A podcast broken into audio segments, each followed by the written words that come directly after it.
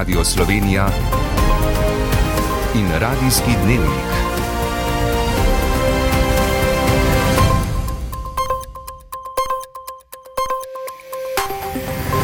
Ura je 18 in 30 minut. Lepo pozdravljeni. V petek bodo začeli veljati preklici soglasi za nadurno delo zdravnikov, zato vlada že pripravlja ukrepe za nemoteno zdravstveno skrbo prebivalstva. Na Ministrstvu za zdravje priznavajo pravico do stavke, a državni sekretar na ministrstvu Denis Kordeš ob tem povdarja. Ne smemo dopustiti, da ceno tega nosijo pacijenti, ki so v tej situaciji šipkejši člen. Pripravljajo tudi ukrepe za zaščito invalidov, ki zaradi zdravniške stavke te dni ostajajo brez vozniških dovoljenj. Oddaji pa tudi o tem. Vlada sindikatom javnega sektorja predstavila nov predlog odprave plačnih nesorazmerij. Vrata zveze NATO odprta za švedsko po mačarski ratifikaciji vstopa. Ob zaustritvi med Izraelom in Hezbolahom se nadaljuje stradanje palestincev v Gazi. Jutri bo oblačno in deževno. Z vami sva Bernard Stramič in Tomaš Polak.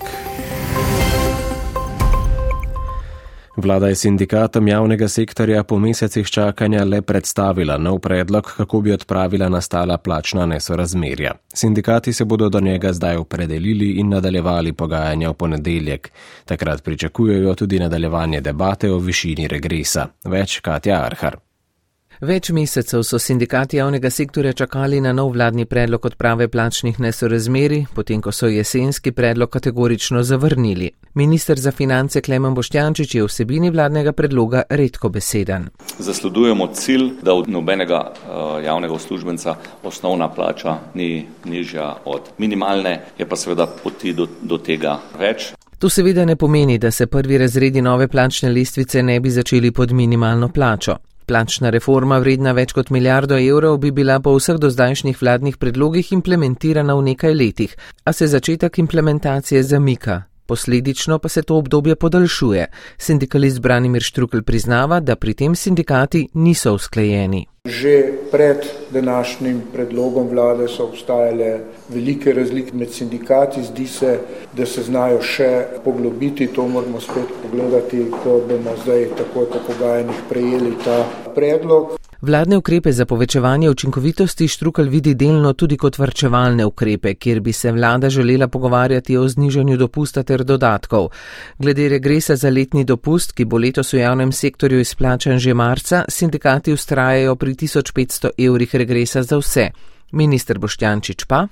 Vladna stran je povedala, da je regres planiran v tem eh, minimalnem znesku, da pa smo seveda v prihodnjih mesecih pripravljeni to tudi še odpreti za, torej do, do konca junija za eh, najniže plačane javne uslužbence. Z vladnim predlogom odprave plačnih nesorazmeri se bodo predvidoma še ta teden v ožjih skupinah še dodatno seznanili pogajalci na stebrnih plačnih pogajanjih. Vlada je sprejela prve ukrepe, s katerimi namerava v času stavke sindikata Fidesz zaščititi javni zdravstveni sistem. Bliža se namreč 1. marec, ko bodo začeli veljati umiki soglasi zdravnikov za nadurno delo. Ukrepi so namenjeni podpori direktorjev javnih zdravstvenih zavodov, da bodo lahko bolnišnice in zdravstveni domovi še naprej zagotavljali nepretrgano zdravstveno varstvo. Več Lucija Dimnik Rikič. Od 1. marca naprej bi bilo lahko okrnjeno izvajanje nekaterih nenujnih zdravstvenih storitev. Vlada je zato sprejela prvi sklop ukrepov. Državni sekretar na Ministrstvu za zdravje Denis Kordeš. Naša skrb in vsi ukrepi so usmerjeni v zaščito zdravja ljudi kljub stavki, ki je legitimna pravica vsakega posameznika, vendar ne smemo dopustiti, da ceno tega nosijo pacijenti, ki so v tej situaciji šipkejši člen.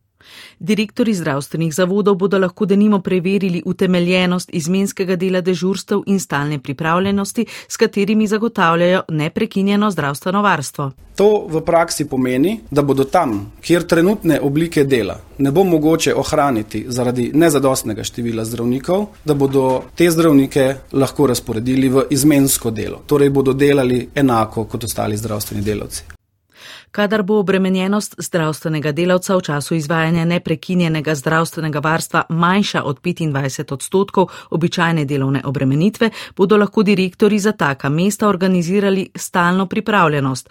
V primeru nezmožnosti zagotavljanja nujne medicinske pomoči bodo izvajalci lahko organizirali skupno dežurno mesto.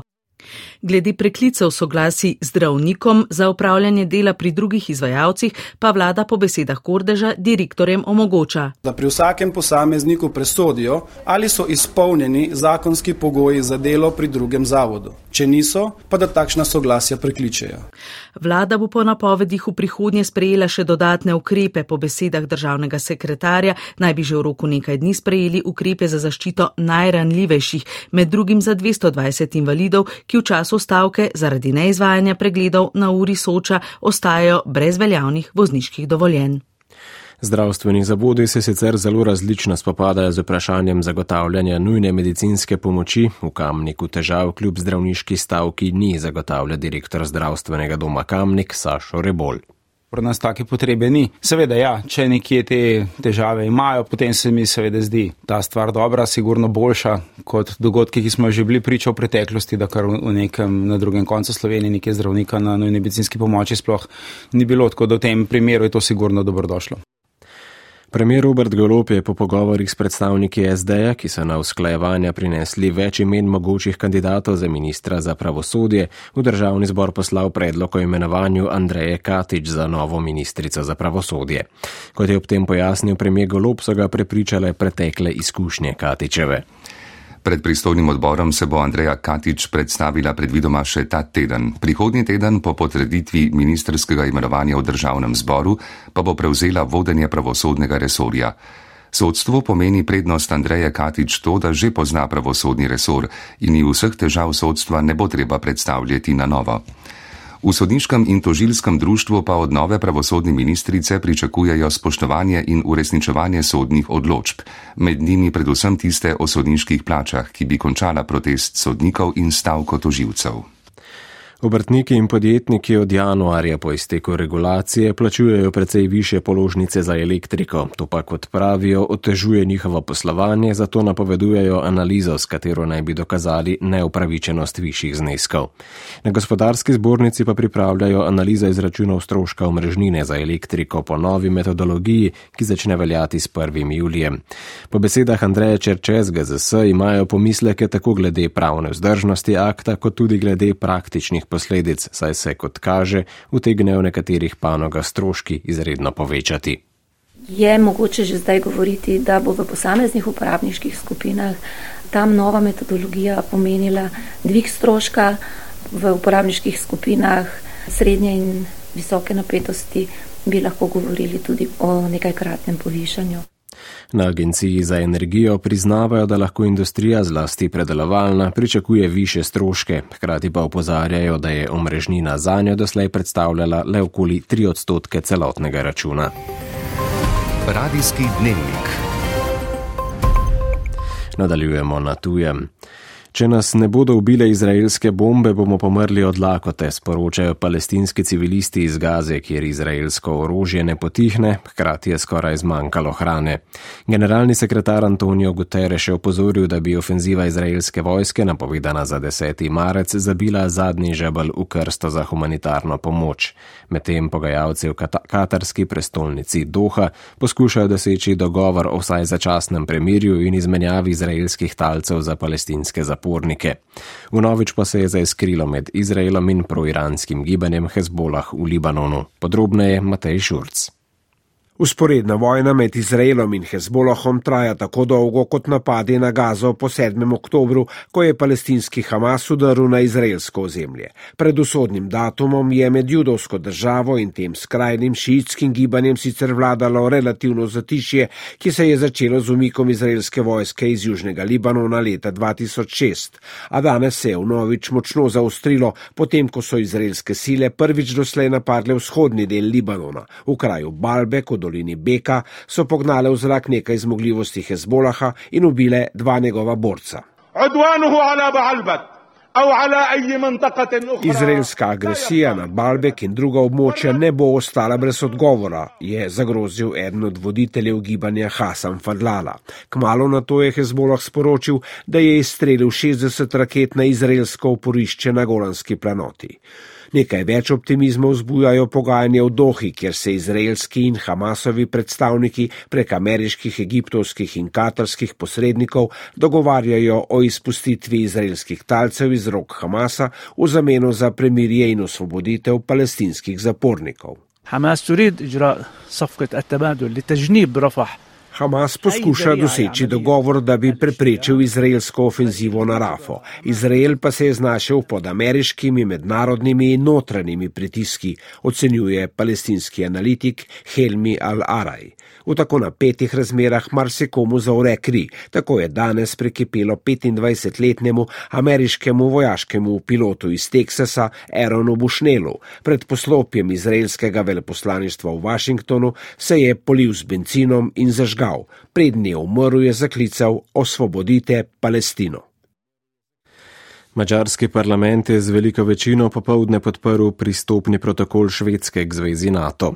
Tu je bila še zadnja ovira za nordijsko državo, da postane 32. članica NATO. Odločitev parlamenta v Budimpešti so švedske oblasti označile za zgodovinsko, vodstva NATO pa povdarja, da bodo zaradi učlanitve Švedske v NATO močnejše in varnejše vse članice. Več o odločitvi Mačarske Marjan Vešligaj. Mačarski premijer Viktor Orban je minuli mesec generalnemu sekretarju NATO Jensu Stoltenbergu obljubil, da bo svojo stranko Fides pozval k ratifikaciji članstva Švedske v zvezi NATO ob prvi priložnosti. Iz ameriškega veleposlaništva v Budimpešti pa so ga minuli petek spomnili, da je prva priložnost ravno današnji dan. A mačarski premijer je to pred poslanci predstavil kot zmago. Dejal je, da v odnosih med Mačarsko in Švedsko ni bilo vedno vse v najlepšem redu, ampak. Magyarország suverén ország. Mačarska je suverena država in ne dovoli, da ji drugi narekujejo, kaj naj stori. Naj spomnimo, Švedska je skupaj s Finsko zaprosila za članstvo v NATO v začetku ruske agresije na Ukrajino. Argument Mačarske proti članstvu pa je najprej bilo zauzemanje za mir v Ukrajini, zatem pa to, da je Švedska bila v skupini držav, ki so opozarjale na demokratični deficit Orbanove vladavine.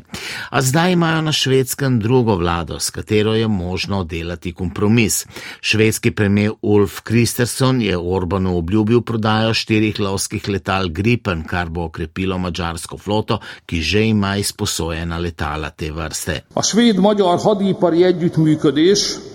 Švedsko-mačarsko vojaško industrijsko sodelovanje in pristop Švedske k NATO krepita varnost Mačarske, zato pozivam kolege poslance, naj danes podprejo pristop Švedske k NATO. Od 149 poslancev jih je ratifikacijo podprlo 188, proti je bilo šest poslancev. Formalnost, ki Švedsko loči od članstva v NATO, je le še podpis mađarskega predsednika in uradno vabilo za pristop k Washingtonski pogodbi. Kmetijski ministri držav članice Evropske unije so danes pozvali Evropsko komisijo k pripravi nadaljnih ukrepov za razbremenitev kmetov, ki pa v vsej povezavi protestirajo že več mesecev.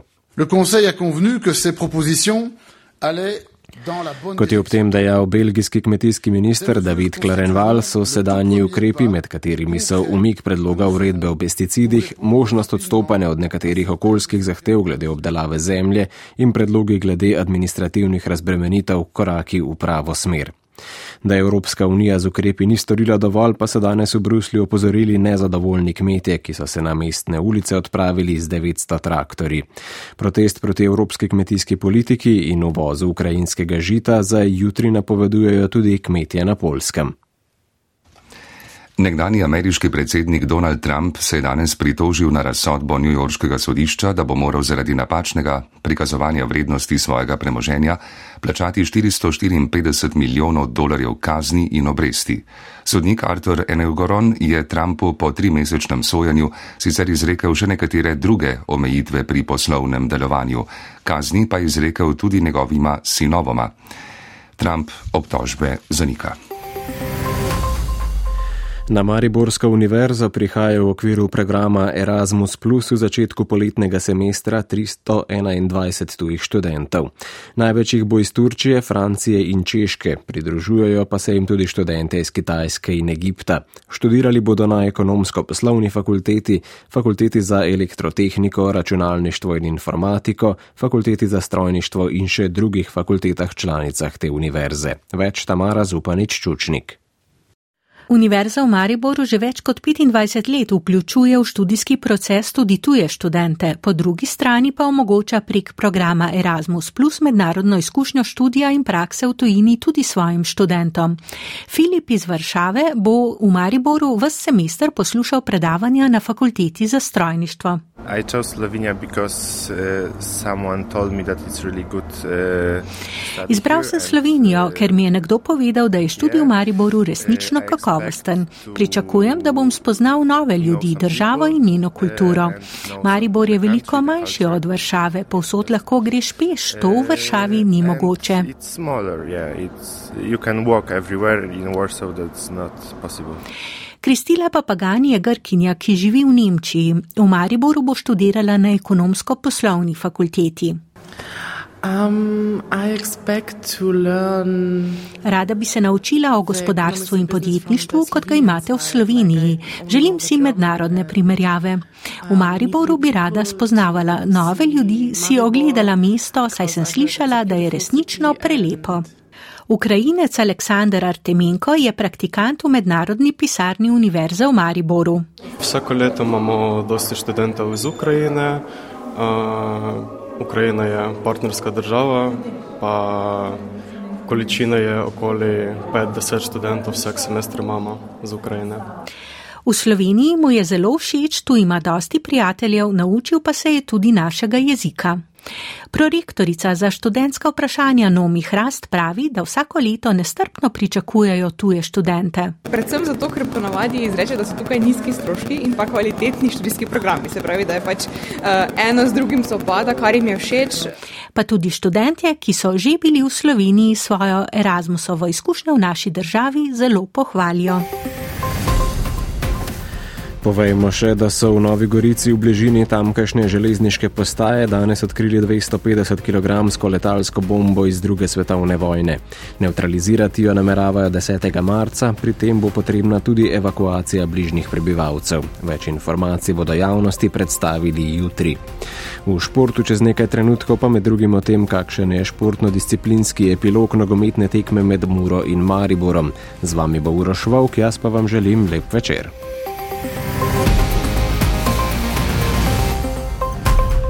Za zaključek 23. kroga v prvi slovenski nogometni ligi sta se Bravo in Koper v spodnji Šiški rašla brez golov in ostajata na četrtem oziroma petem mestu oba 34 točkami, trener Kopra Aleksandr Radosavljevič. Trda tekma, uh, ni bilo nekih izrazitih priložnosti.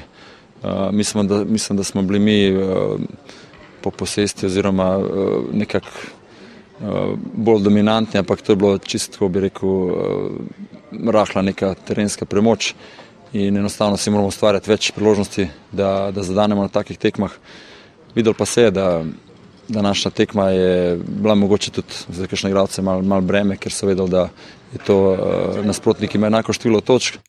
Podobno je razmišljal tudi trener Ljubljančanov Aleš Arnol. Mislim, da je povsem realen rezultat na koncu. Um, lahko bi se mogoče obrnili na eno ali drugo stran, ampak uh, uh, ključno pa je to, kar nismo želeli tako močno izpostavljati pred tekmo. Praktično, ko se je v miru pripravljalo 11 dni na to tekmo, mi smo v 8 dneh odigrali tri tekme. Sem vesel, ker govori o neki stabilnosti ekipe, o nekem pravem tekmovalnem karakterju, zato jim res za to čestitam. Disciplinski sodnik nogometne zveze pa se je odločil, kakšen bo epilog prekinjene tekme 21. kroga v Murski soboti med Muro in Mariborom. Prek Murci so zmagovalci za zeleno mizo s 3 proti nič, Mariborčani pa dodatno kaznovani še štirimi tekmami pred praznimi tribunami v ljudskem vrtu ter visoko denarno kaznijo 25 tisoč evrov. Slovenska ženska rokometna reprezentanca se je zbrala za kvalifikacijski teden s tekmama proti Franciji, ponovno lahko Dragan Adžič računa tudi finalizo o Moregi. Prva tekma s francozinjami na poti proti Evropskemu prvenstvu bo v četrtek v Velenju. Slovenski serijski prvak Krim bo v prihodni sezoni močnejši za povratnico Ano Abino, podpisala je dveletno pogodbo. Krokometu pa dodajmo, da je nekdani slovenski selektor Veselin Vujovič, novi trener hrvaškega podprvaka Nekseja, zamenjal bo Branka Tamšeta, s katerim se je klub razšel, na klop Našičanov pa bo Vujovič sedel v sredo, dan po tekmi Nekseja in Gorenja v Evropski ligi. Znani so nominiranci za 25. nagrade Laureus za posameznike in ekipe, ki so blesteli na športnem področju v preteklem letu. Med glavnimi nominiranci so tudi Max Verstappen, Novak Djokovic, pa Mikaela Šifrin in Iga Švjontek, med ekipami med drugimi južnoafriška reprezentanca v ragbiju ter nemška moška košarkarska reprezentanca. Slovenskih športnikov ni med kandidati. To je bil radijski dnevnik.